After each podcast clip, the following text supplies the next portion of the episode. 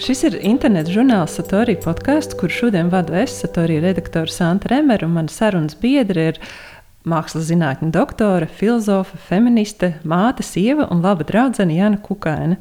Vai es nosaucu pareizā secībā, un vai šī secība vispār ir svarīga? Paldies, Santa. Ļoti mīļi un laipni. Secībai droši vien nav liels nozīmes, priecājos, ka arī šis draudzības aspekts ir mūsu sarunā jau ievīts no paša sākuma. Tad šī gada martā tu aizstāvēji promocijas darbu. Ko tev pašai nozīmē šis grāts? Tiksim, pirms dažām nedēļām mums arī žurnālā bija Elsa Lāmas raksts par to, cik sarežģīti tiksim, mazu bērnu mātēm ir tikt pie pie doktora grāda, cik grūti ir atrast uh, laiku pētniecībai. Tāpat arī bieži nāks saskarties ar nosodījumu, kāpēc tev to vispār vajag un neatstāja ģimeni novārtā. Tu ar savu vaļas prieku atņem laiku bērniem. Un tā kā ir mazliet arī šī stigma reizēm, ko tieši mazu bērnu mātes izjūt. Un kā tiksim, viņas pašas sev atbild, kāpēc man to grādu vajag, kāpēc es vispār daru šo diezgan smago misijas darbu, vai kas, kas ir tā attieksme, kas tev ir kas tevi motivēja? Jā, nu man šķiet, ka mani akadēmijā atveda droši vien šī interese par pētniecību, ko es esmu arī jau agrāk izkopusi. Ja tu varbūt atceries manas recenzijas, pirms es iestājos doktorantūrā, nu, tur jau bija šis feministiskais skatījums no tā, ko es biju tajā laikā izlasījusi un sapratusi. Es arī atceros, ka tās ir īpaši pirmie raksti, kuros es mēģināju izkopt šo skatījumu. Tur bija ļoti daudz arī negatīvu komentāru, arī no mākslas vidē atzītiem profesionāļiem, ka likās, ka šis ir tāds nu, pilnīgi nepatīkams, nērts. Kaut kāds mežonīgs skatījums, kas tiešām satricina ļoti daudzas lietas. Nu, jā, kādu laiku es diezgan intensīvi rakstīju šīs kritikas. Nu, tad šis eh, liktenīgā satikšanās ar eh, laimu slavu kādā pasākumā, kurā viņa norādīja, ka es varētu arī pacelt grāmatas formātu, un tad, kā tu zini, tapa grāmata daļās mātes. Mm, un patiesībā šis tiešām bija kaut kas, ko es šobrīd, par ko es šorīt atceros ar tādu ar vienu gandarījumu, jo nu, es redzu, ka manis ar vienu pienāk klāt vai atrakstu kāda sieviete Facebookā parasti par to, ka viņa šo grāmatu lasa. Un, nu, tā es esmu priecīga, ka šis darbs dzīvo. Respektīvi, patiesībā no nu, šīs daļās mātes tas jau bija tāds nu, kā iesildīšanās vai tāds vingrinājums jau feministiskās mākslas teorijā, feministiskajā estētikā. Nu, tas liekas, labi, man tas padodas, es to varu darīt, bet ko es varu darīt vēl? Kā tu zini, es arī aptuveni ap šo laiku sāku kūrēt dažādas mākslas izstādes. Dažādas tajā nozīmē, ka viņas bija dažādās vietās, bet uh, ar dažādām koncepcijām, bet, protams, arī šis vadmotīvs bija šī, šī feminisms. Jo re, jau rakstot grāmatu, un arī pirms tam, nu, man likās, ka nav kaut kā, ka es neredzu, varbūt tik daudz uh, šīs feministiskās mākslas Latvijā, vai varbūt es nemāku viņu atpazīt. Un, zināmā mērā šī kūrēšana bija tāda iespēja izmēģināt, nu, radīt pašai, lai pamudinātu mākslinieces. Un, un atkal, teiksim, nu, viena cita kuratora uzzinājusi, ka es taisu feministisku izstādi, vaicāju, nu, kā tu, kā tu izdevās pierunāt mākslinieces, parakstīties vien zem šī karoga. un es teicu, bet es jau nes, nesaku viņām, ka, hei, taisīsim tagad feministisku izstādi. Es viņām saku, hei, taisīsim izstādi par to, piemēram, kā jūs jūtaties savā sievietes ķermenī šeit, tagad. Latvijā. Ja? Vai, piemēram, kādas ir jūsu attiecības ar jūsu bērniem? Un, un tad tas kaut kā aiziet, un ka, jā, izrādās, ka mēs varam taisīt izstādi par, šīm, par šo tēmu, un tas feminisms tur ir, bet tas nav tā tāds pašmērķis. Un tad šī nu, praksa attīstījās. Tas nozīmē, ka uzdot pareizo jautājumu. Varbūt tā ir iespēja šo jautājumu uzdot tādā veidā, lai tas rezonē ar tavu dzīvoto pieredzi. Ja, šis jēdziens, kas nāk no fenomenoloģijas, lived experience, lived body, kā mēs dzīvojam mūsu ķermeņos, mūsu ikdienas dzīvi. Un šis tiešām ir ļoti feministisks uzstādījums. Bet atkal man vēl un vēlreiz gribas atkārtot, ka man šķiet, ka Latvijā iespējams tas vēl ar vienu ir jāpaskaidro, ka feminisms, feministisks skatījums mākslā, feministiskā estētika, feministiskā filozofija tā nav tikai par sievietēm. Jā. Šis, te mēs varam atgriezties pie šī jēdziena sākotnes, ko saista ar 19. gadsimta beigām ar Franciju, Furjēju. Un tātad, kad tiešām feminisma sākotnē, tad savā pirmajā, kā mēs šobrīd par to domājam, savā pirmajā izpausmē, tā tiešām bija politiska kustība, sociāla kustība par to, ka sievietēm arī jāiegūst tiesības. Bet tas ir 19. gadsimta beigas. Kopš tā laika ir tiešām ļoti daudz kas mainījies, un feminisms ir nu, sakuplojis kā tāds krāšņs krūms ar ļoti daudziem zariem. Un tas ir sen pāraudzis jau šo fokusu uz sieviešu tiesībām. Lai gan, protams, arī tas ar vienu ir svarīgi. Nu, ir tīpaši ik pa laikam dažādi notikumi mums to arvien atgādina. Bet teiksim, šobrīd tās aktuālās diskusijas feminismā ir daudz sarežģītākas un citos līmeņos. Un tad viena no, tām, no tiem zariem, ja mēs paliekam pie šī krūma metafāras, kas man pašai nu, liekas īpaši tuvs un uzrunā, ir tieši šīs domas par ķermenisko, par afektīvo un par ikdienas dzīvi. Par to, mēs no kā sastāv patiesībā mūsu dzīves, jo tādu izšķirošu notikumu, kaut kādu varoņu darbu, vai kad mēs nu, kā, kaut ko tādu izdarām grandiozu, mirkļu ir ļoti maz. Un pēc tam ir tas viss pārējais, tas šķietami nenozīmīgais ikdienas dzīves plūdums. Un tad šis, man liekas, bija viens no tiem, ko es vēlējos izcelt un aprakstīt, saprast arī savā disertācijā. Jā, bet tad, uh, tas ceļš ir apmēram tāds. 2016. gadā tev iznāca daļās mātes, tev piedzima arī otrs bērns. Un daļās mātēs es saprotu, ka tomēr tā kā runā arī par savu ķermenisko pieredzi un tomēr balsties tajā, nu, kas tev liekas interesējošs, tiksim, tā problēma un jautājumu, ko tu pati vēlēsies atbildēt, varbūt sev. Vienmēr jau var teikt, ka viss, ko mēs darām, kaut kādā veidā ir saistīts. Nu, ja tā tiešām meklē to saikni ar personīgo, uh, tad droši vien, tu teici, jā, ka man piedzima otrs bērns, bet pirms tam man tā bija šī mātišķības pieredze ar pirmo bērnu, kur bija tāds, eh, kā jau ļoti daudzām mātēm mūsdienās, man nācās konstatēt faktu, ka tās gaidas un populārā mātišķības eh, attainošana, ko mēs sastopam ikdienas dzīvē, nu, viņi ļoti bieži vien nav, nav vispār nekā sakara ar to, kā patie, patiesībā tas notiek. Un mani, nu, kā jau tādu teorētiski ievirzītu cilvēku, man likās, oh, bet interesanti, ko par to saka feminisma filozofas. Nu, vai vispār viņas par kaut, kaut ko saka par to. Un es sāku par to interesēties, izrādījās, ka jā, viņas par to ļoti daudz jau runā, jau vairākus gadus, desmitus. Un tas man likās, wow, tik kolosāli. Varbūt arī tāpēc, ka man likās, ka es nevaru jā, atrast nu, tādu informāciju, kas manā man spētu izskaidrot kaut ko, ko es pati esmu pieredzējusi, kaut, kā, kaut kādu iedot tādu perspektīvu uz, uz šo. Un tad es lasu tur Adrianu Riču, Sāru Rudiku un daudzas citas šīs autoras, Airisu Jangu, protams, brīnišķīgo fenomenoloģijas pārstāvi. Un man liekas, ah, tas ir tik interesanti, ka tas iedod tiešām no nu, to citu skatu punktu uz to, ko tu pati pieredzi, un arī kā tu vari domāt par šo savu pieredzi. Uh, tā feministiski ievirzītā interese, tev viņa tā kā parādījās jau kaut kad ļoti agri tavā biogrāfijā. Es tiksim, domāju, mazliet ieskicējot jā, tavu biogrāfiju. Tu esi meitene no Krāslavas, kas vēlāk braukusi studēt uz Nīderlandi. Un, uh, mācījies mākslas teoriju, vai kas bija tieši tavs kurs? Nīderlandē jā, man bija kultūras teorija.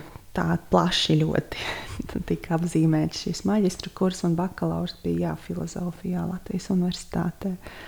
Un, teiksim, studējot jā, jau filozofos, vai tur jau tas feministiskais fokus tev tā kā bija, vai tad tu mm -hmm. sāki ar kaut kādu citu, citas tēmas pētīšanu?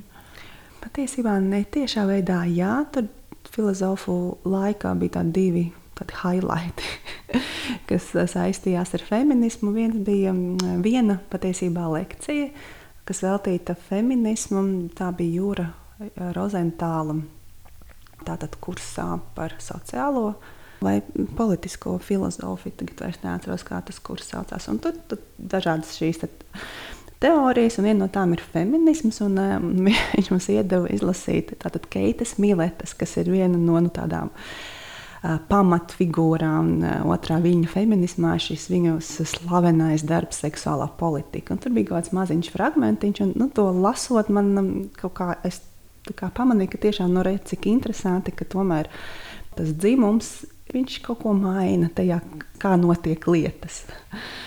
Tas bija tas kā, pirmais impulss, un otrais um, bija Erasmus semestris. Helsinkos, ko es pavadīju pēdējā kursā, un toreiz vēl bija četri kursi, kurā bija jāstudē. Tur gan es paņēmu jau feminismu vēsture vai kaut kā tā kursa saucās. Tur man īpaši uzrādījās feministiskas draudzenes, ar kurām mēs satikāmies. Un redzam, tas ir šausmīgi, kā Āfrikā tur sievietēm nu, nogriež klitoru. Un, nu, šis viss pieeši bija man visapkārt. Es arī nu, atkal. Negribu, protams, aizvainot klasiskās filozofijas eh, cienītājus, bet bieži vien nu, man bija tāda sajūta, lasot šos tekstus, ka nu, šīs problēmas, kas tur ir aprakstītas, viņas, jā, viņas ir interesantas, viņas ir diskusiju vērtas, bet es neredzu, kā viņas īsti saistās ar, ar manu dzīvi. Ko tas man īsti maina? Un tad atkal pilnīgi nejauši Helsinku bibliotekā vienkārši tur ejot cauri.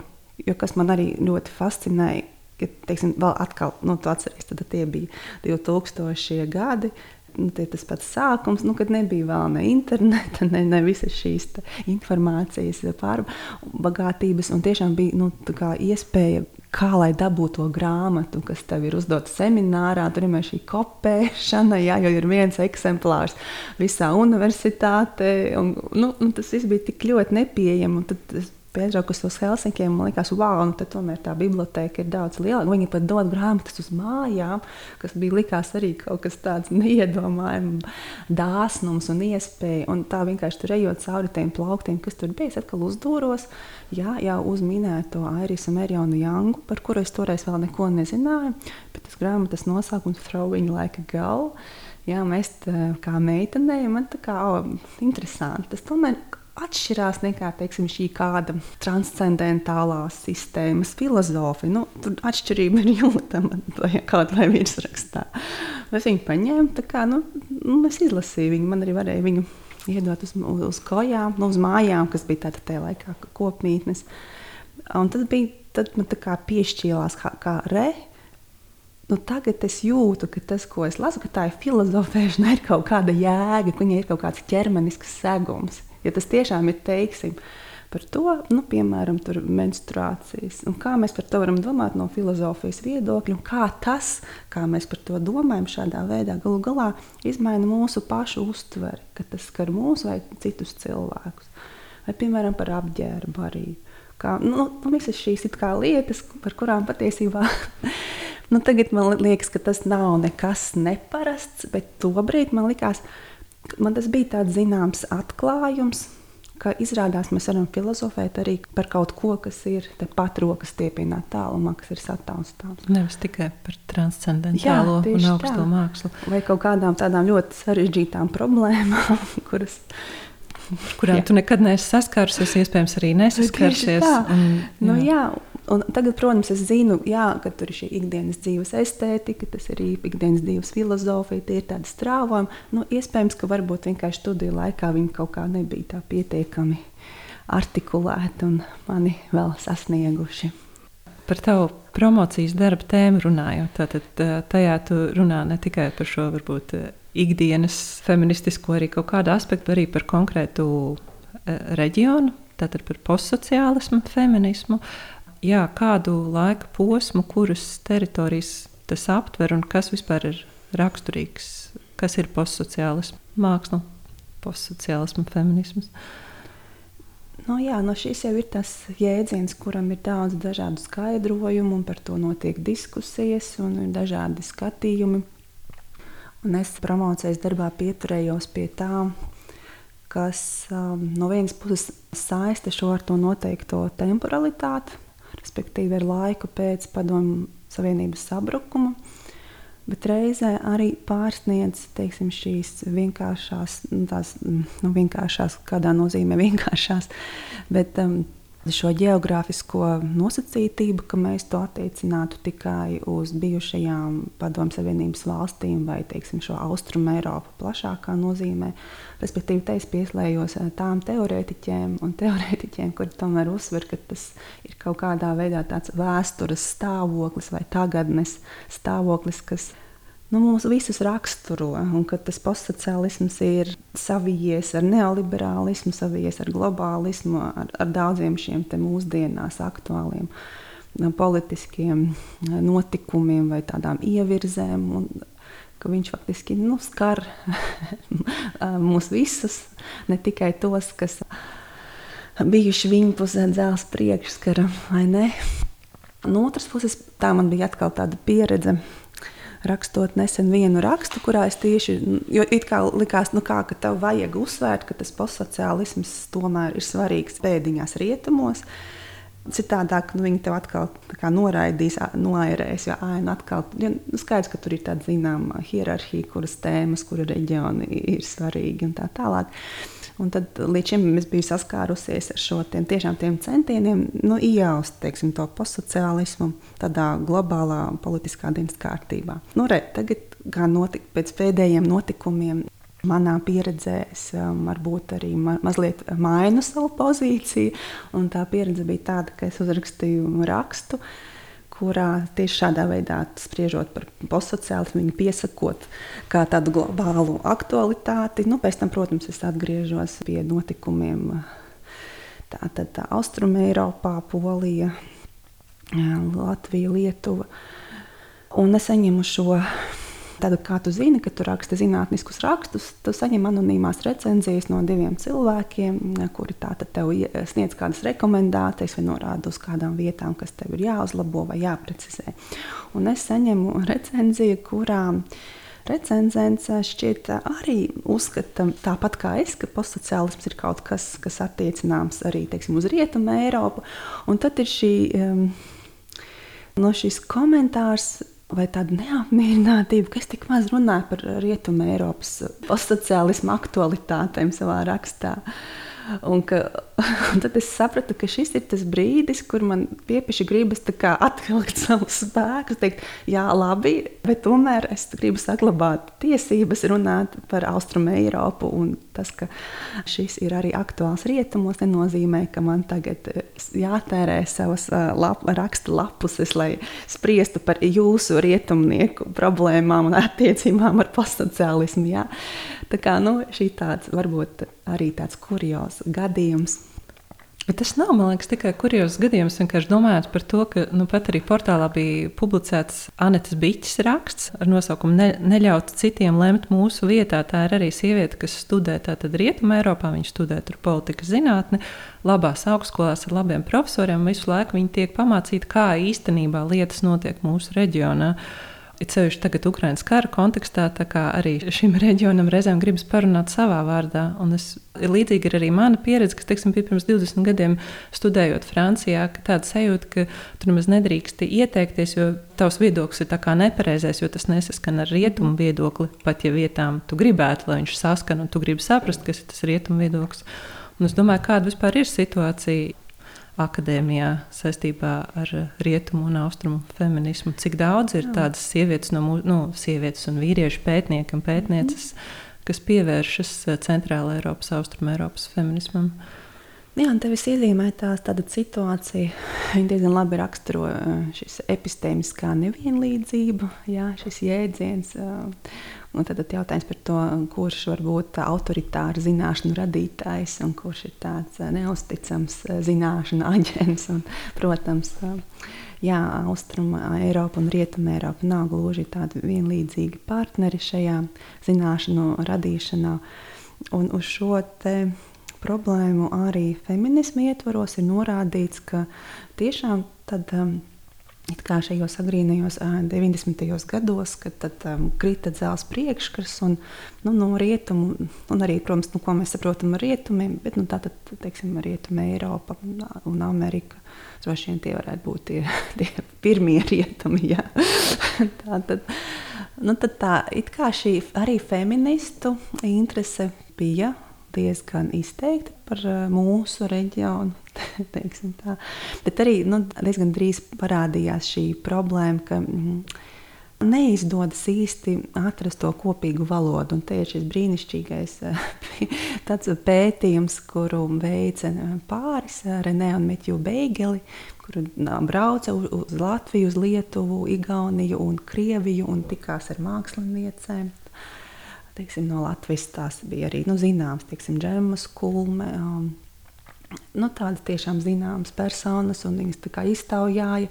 Un pats interesantākais sarunās ir šis ievads, kurā nu, tie autori arī tā, nu, tā atklāti arī pasaka, ka viņiem bija ārkārtīgi grūti saprasties. Viņiem liekas, ka viņi norāda uz šīm problēmām, ka Austrumērāpā sievietes vispār neatpazīst dzimumu nevienlīdzību, ka viņām nav nekādas vārnīcas, lai par to runātu. Un ir tāda arī ļoti liela skepse un nevēlēšanās tikt saistītai ar feminismu. Un faktiski šis, nu, šī ir tā, tā situācija, kas kaut kādā mērā viņa kā, nu, nav, nevar teikt, ka pilnībā ir mainījusies. Varbūt tāpēc, ka šobrīd ar vien vairāk ir šo pētījumu ar mēģinājumiem atrast šo feminismu, Austrumēropas mākslā, tostarp padomju laikā un arī pēc tam. Un faktiski ir nu, šī zinām, pretestība un tāds apjukums vai pretrunīgums, ļoti izteikts pretrunīgums. Un arī es ar to esmu sastapusies. Tad man promocijas darba tā apakštēma, kas patiesībā ir tas galvenais, ar ko es nodarbojos, ir šī viscerālā estētika. Jā, un es mēģinu caur visceralitātes jēdzienu kaut kā risināt šo.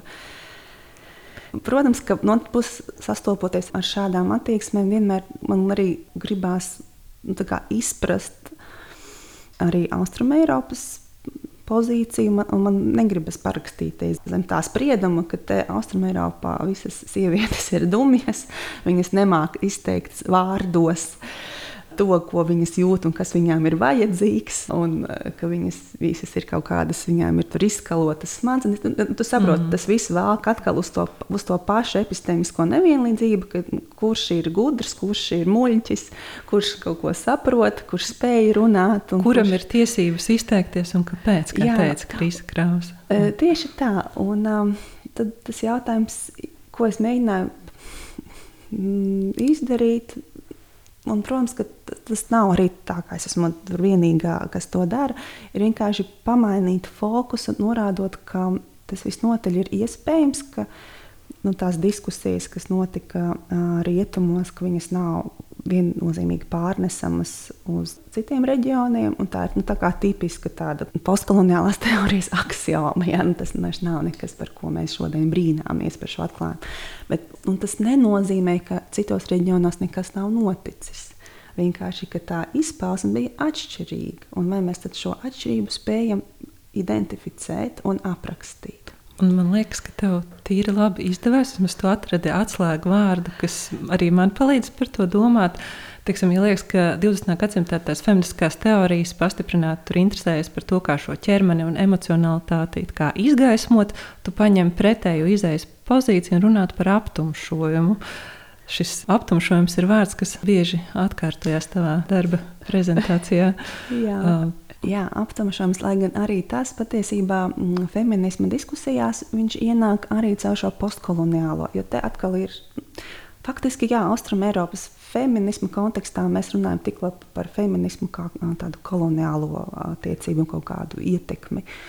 Un, um, aptumšojums šo jēdzienu tā feminisma kontekstā man piespēlēja Igauniju teorētiķe Railija Mārlinga, kura par to ir rakstījusi, Un tas atkal ir kaut kas nu, tāds paradoxāls, uz ko mēs ejam feminismu teorijā un vispār nu, teiksim, šajā cilvēku tiesību diskursā. Parasti mēs vienmēr uzsveram, ka šīm marginālām grupām ir vajadzīga redzamība. Mums vajag padarīt viņas redzamas, reprezentēt un tā tālāk. Tas šķiet mums tāds pašsaprotams veids. Kā cīnīties ar šo apspiešanu, Neksim, šī pati metāfora izkāpt no skāpja. Tas jau arī ir tas pats, ka tu sevi manifestē un tu kļūsti par daļu no redzamās, un tātad arī domājamās pasaules. Bet re, daži tomēr ir pamanījuši, ka bieži vien šajā redzamībā ir.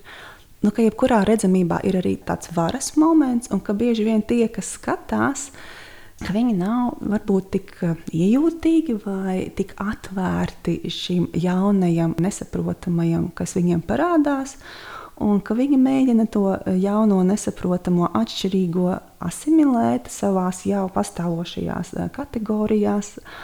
Un te ir tas brīdis, kad jāsāk šaubīties, vai vienmēr un kādā mērā šī pastiprināta redzamība, parādīšanās, izgaismošana patiesībā atbilst šo grupu mērķiem un cik lielā mērā patiesībā caur to mēs varam Nu, veicināt atkal jaunu vardarbības vilni, kas ir šī misrepresentation, tā kā nepareiza attēlošana, kropļota attēlošana. Ja? Un tādēļ šī ideja par aptumšojumu, par daļēju redzamību, neredzamību, kas no vienas puses mums liekas, nu, paga, tas ir galīgi traki, un mēs to nevēlamies pieļaut. Bet teiksim, šis Glisāns ir viens no filozofiem, kas ir postkoloniālās teorijas domātājs, kurš uzsver, ka nu, ka tieši tajā mēs, kā marginālā grupa, mēs varam eksistēt un saglabāt savu savdabību. Jo tikko mēs iziesim uz skatuves, mums tie prožektori izgaismos tā, kā vajag, kā tai ma mažoritātei vajag, vai kā pieņemts. Un, tas, mēs no tā diez vai būsim baigi ieguvēji. Un, attiecīgi, arī nu, feminisma kontekstā ir eh, tas pats, teiksim, Railija Marlinga raksta par to, cik ļoti lielā mērā uh, rietumu feminisma. Feminisms tomēr nespēja nu, tā adekvāti izskaidrot, aprakstīt vai interpretēt notikumus, procesus Austrumē, Eiropā. Un ka bieži vien mums tā kā jāpieņem un, pat, nu, un jāsamierinās un pat jānovērtē to, ka mēs esam nesaprotami. un ka tieši un ka labāk mums būtu nesaprotamiem, ka tas mums dod lielāku šo politiskās rīcības aģenci. Ja, nekā tad, ja mēs ļausim, ka mūs izskaidro tā, kā viņiem, lai viņi mūs saprastu, bet tas tie vairs nebūsim mēs. Jā, izskaidro un vienkāršo. Jā, man šķiet, ka aptumšojums dod tādu niansētāku skatījumu, ļauj runāt par sarežģītību, saglabāt savdabību. Jā, nu, un arī vēl, protams, ka savā vistrālajā estētikā man likās, ka šis tik lieliski ir savienojams, salīmējams ar šo savu ķermenisko pieredzi.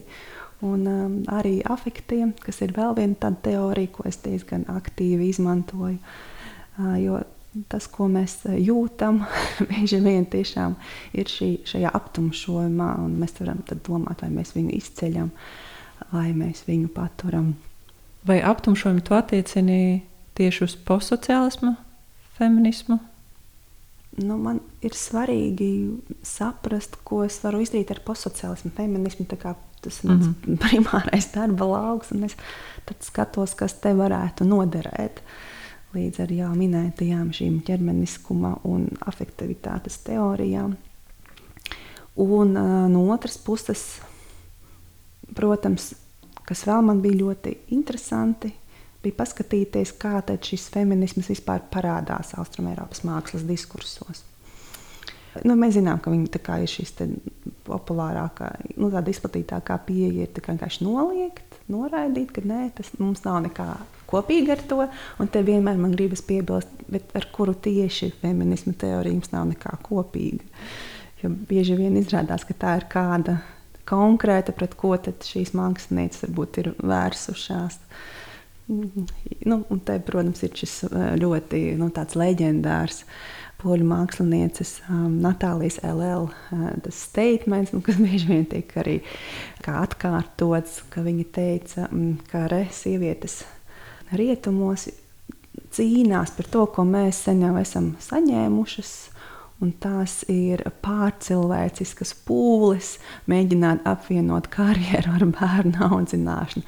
Tā ir man tāda varbūt nepārāk precīza atstāsts, precīzāks ir manā disertācijā atrodams. Bet, respektīvi, nu, teiksim, šis, ka tas ir kaut kāds vien, viena kaut kāda ideja, kur mēs jūtam, ka tas īsti varbūt neatbilst. Nu, mums, mums ir kaut kādas citas šobrīd problēmas. Un tad veidojas šis noliegums. Bet jā, es pamanīju arī ka virkne citu autoru lieto šo, tomēr tīpaši nu, pēc 90. gados radītajiem pētījumiem, lieto šo feminismu.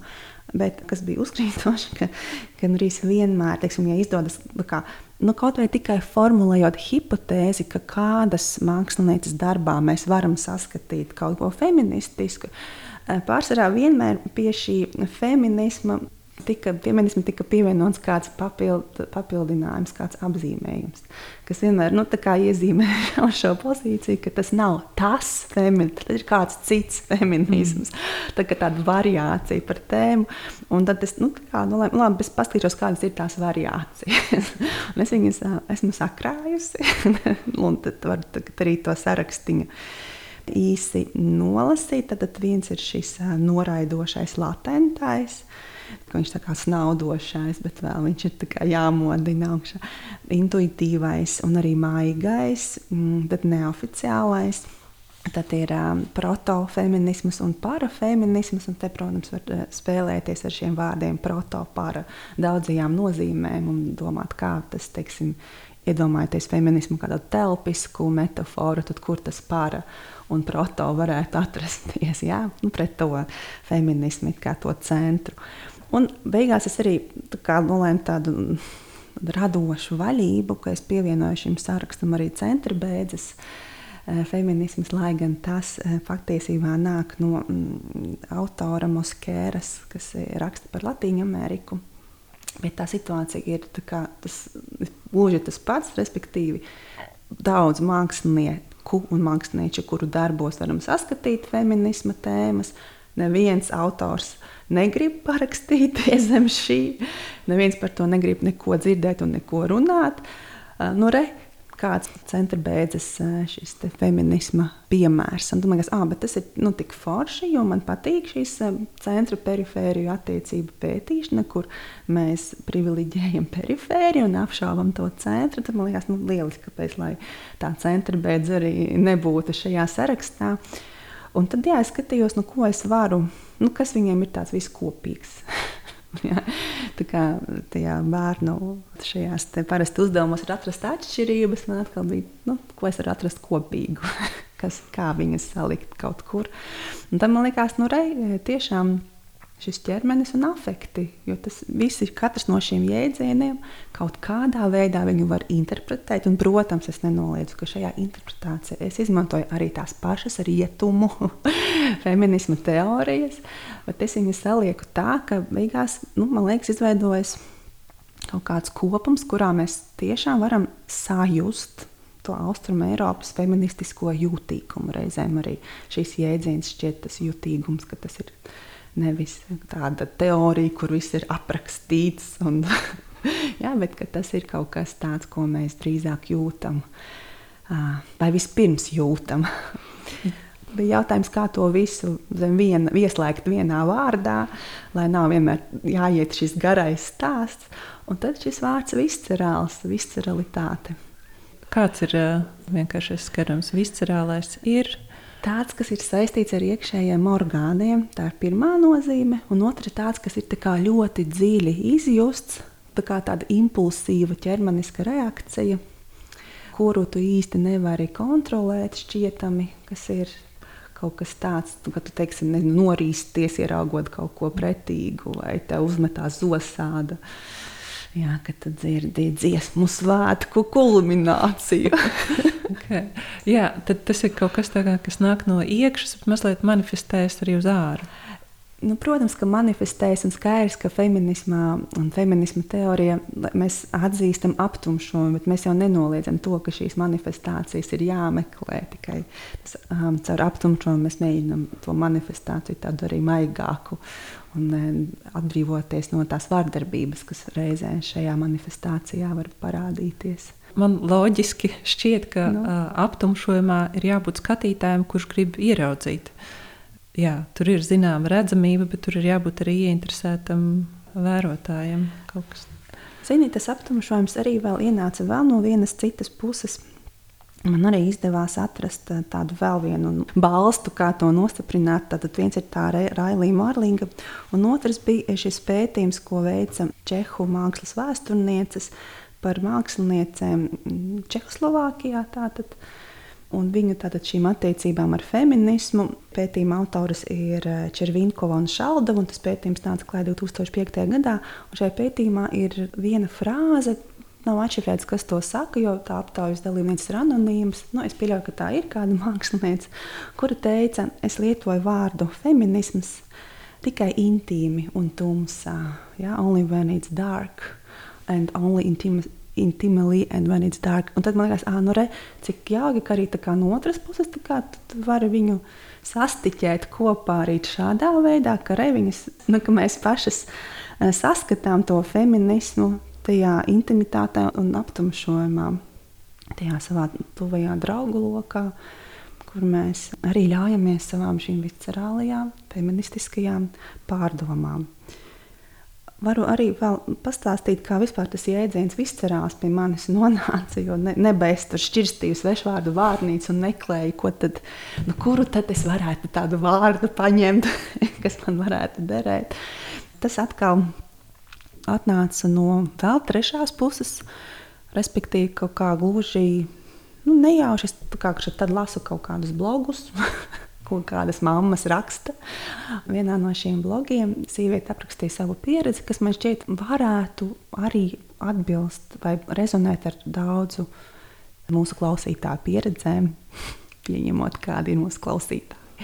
Respektīvi, viņām ir attiecības, un viņas uzskatīja, ka viņas dzīvo nu, faktiski pasaulē, kur ir dzimuma vienlīdzība sasniegta. Viņas nekādā veidā nu, tā baigi neizjūt, kaut kādu nevienlīdzību uz savas sādas. Un arī partnerattiecībās ir diezgan um, apmierinātas, un tas darba sadalījums šķiet tā, taisnīgs un bez tāda īpaša e, kaut kādas dzimumu, tādas priori, prioritātes attiecībā uz veicamajiem darbiem. Tad viņas kļūst par mātēm, viņām piedzimst bērns. Un tad pieeja šī situācija ļoti izmainās. Teiksim, šī bloga autora rakstīja, ka Viņa nevarēja kaut ko darīt. Teiksim, grūtniecības pēdējos mēnešos viņa tur, bija kaut kā sevi jāierobežo, lai gan viņas partneris varēja darīt visu to pašu, un arī pēc tam, pēc bērna piedzimšanas, tur tā kā grūts barošana, ka viņa nevar tur aiziet no mājām. Nu, tur ir nezinu, ilgāk par stundu, divām, vai tur tas, nu, tas viss ir paliek ļoti sarežģīti. Un arī, un starp citu, arī šajā projektā My First Year Two tajos stāstos mēs arī to varam saskatīt. Kā Agra Lieģa Daleško arī man pievērsa uzmanību tam, ka mēs redzam daudzkārt atkārtojamies to motīvu, ka šķietami dzimumu vienlīdzīgi partneri, piedzimstot bērniem, mainās kaut kāda konfigurācija diezgan nopietnā veidā, un beigās mēs atkal atopamies turpat, kur mamma ir, sieviete ir šis primārais aprūpētājs, ka viņa māca labāk nomierināt, viņa labāk saprot, kas bērnam vajadzīgs. Un tas, protams, arī no šī sociālā mm, cena par to, ka tu esi aprūpētājs, ka tu nevari kaut ko citu darīt tajā lietā. Un šī bloga autora rakstīja, ka tikai tāpēc, ka man ir dzemde un, un tie piena dziedzeri, ka es sajūtu kaut kādu savu iespēju sarukumu, un šajā brīdī mans feminisms kļuva viscerāls. Un tad man liekas, ah, bet re, man patīk, kā viņi to ir noformulējuši, ka tas viscerālais nu, nāk no ķermeņa. Un tas jau nenozīmē, ka es gribu teikt, ka sievietēm jāgriež ārā dzemdes un jāamputē krūtis. Ja? tas nav tas, bet tas drīzāk ir par to, kā mēs varam ar to veidot attiecības, par to domāt un arī varbūt plašākā nozīmē domāt, kā mēs varam sabiedrības kā, to iekārtot un pārkārtot tā, lai šīs būtnes ar dzemdēm un, un, un, un, un piena dziedzeriem kaut kādā brīdī neattaptos tādā mazāk izdevīgā un vairāk ievainojamā situācijā nekā būtnes, kurām šo orgānu iekšējo nav. Arī klaustrofobiski iesprostotas mazā istabiņā kurā ir jāzīda no rīta līdz vakaram. Jā, arī tas. Arī man zināmajām daudzām sievietēm viņu feminisms kļuva ne tikai viscerāls, bet arī aktīvs un tāds skaidrs šī nostāja tieši pēc bērna piedzimšanas, ka liekas, lai cik emancipēti tu dzīvotu un lai kā tu visu esi iekārtos tajā brīdī, tu atopies pilnīgi citā realitātē, ko tu nebiji sagaidījis un par kuru tev bija radītas visādas ilūzijas, kā tas būs un kā tas īstenībā nav. Kas ir tie latviešu mākslinieču darbi vai mākslinieku darbi, kas tev tas tomēr kaut kā iedvesmoja arī tavai pētniecībai, kuros tu saskatīji šo vietējo reģionālo feminismu un par kuriem tev patīk runāt? Nu, ja man būtu jātaisa laikmatīgās mākslas tāda ģenealoģija, tad, manuprāt, nozīmīgi posmi tādā laikmatīgā griezumā būtu Ingrīda Pičukāna un Rasa Jansona. Man tiešām šķiet, ka šīs divas mākslinieces ir tās, kuras agrāk par visām citām sevi atklāti pozicionēja šādā feministiskā griezumā un arī uzdeva tos jautājumus, kas ir saskanīgi ar feministisko mākslu, ar šīm idejām. Bet, protams, atkal man gribas teikt, ka man teiksim, arī pēc šī darba, disertācijas sarakstīšanas, man nav tādas viennozīmīgas skaidrības, kā mēs šo ģenealoģiju varētu veidot. Un, man liekas, varbūt šī izcilitāte varētu būt tā, tāds veids, kā mēs varam pārvarēt šo arī ar vienu Latvijas mākslā sastopamo. Nu, tādu tā kā nepatiku vai alerģiju pret feminismu. Un, protams, ka ir ļoti daudz mākslinieču patiesībā, kas varētu tikt iekļautas šajā lokā. Jā, tas ir atkarīgs kā mēs šo loku definējam, kas ir tas kritērijs. Šī 80. gados tātad, ienākusi gleznotāja paudze. Tā, protams, ir ļoti svarīga. Fotogrāfis mūsu izcilās. Cerams, ka skatītājiem nebūs pārāk daudz alerģijas un pretreakcijas, un ka tomēr mēs spēsim ieskatīties savā feminisma mākslā. Paldies, Jāna! Saturīgi podkāstā šodien es sarunājos ar Jānu Kukaini, mākslas zinātņu doktori, feministi, sievu, māti un draugu. Paldies! Tev. Paldies, tev, Santa!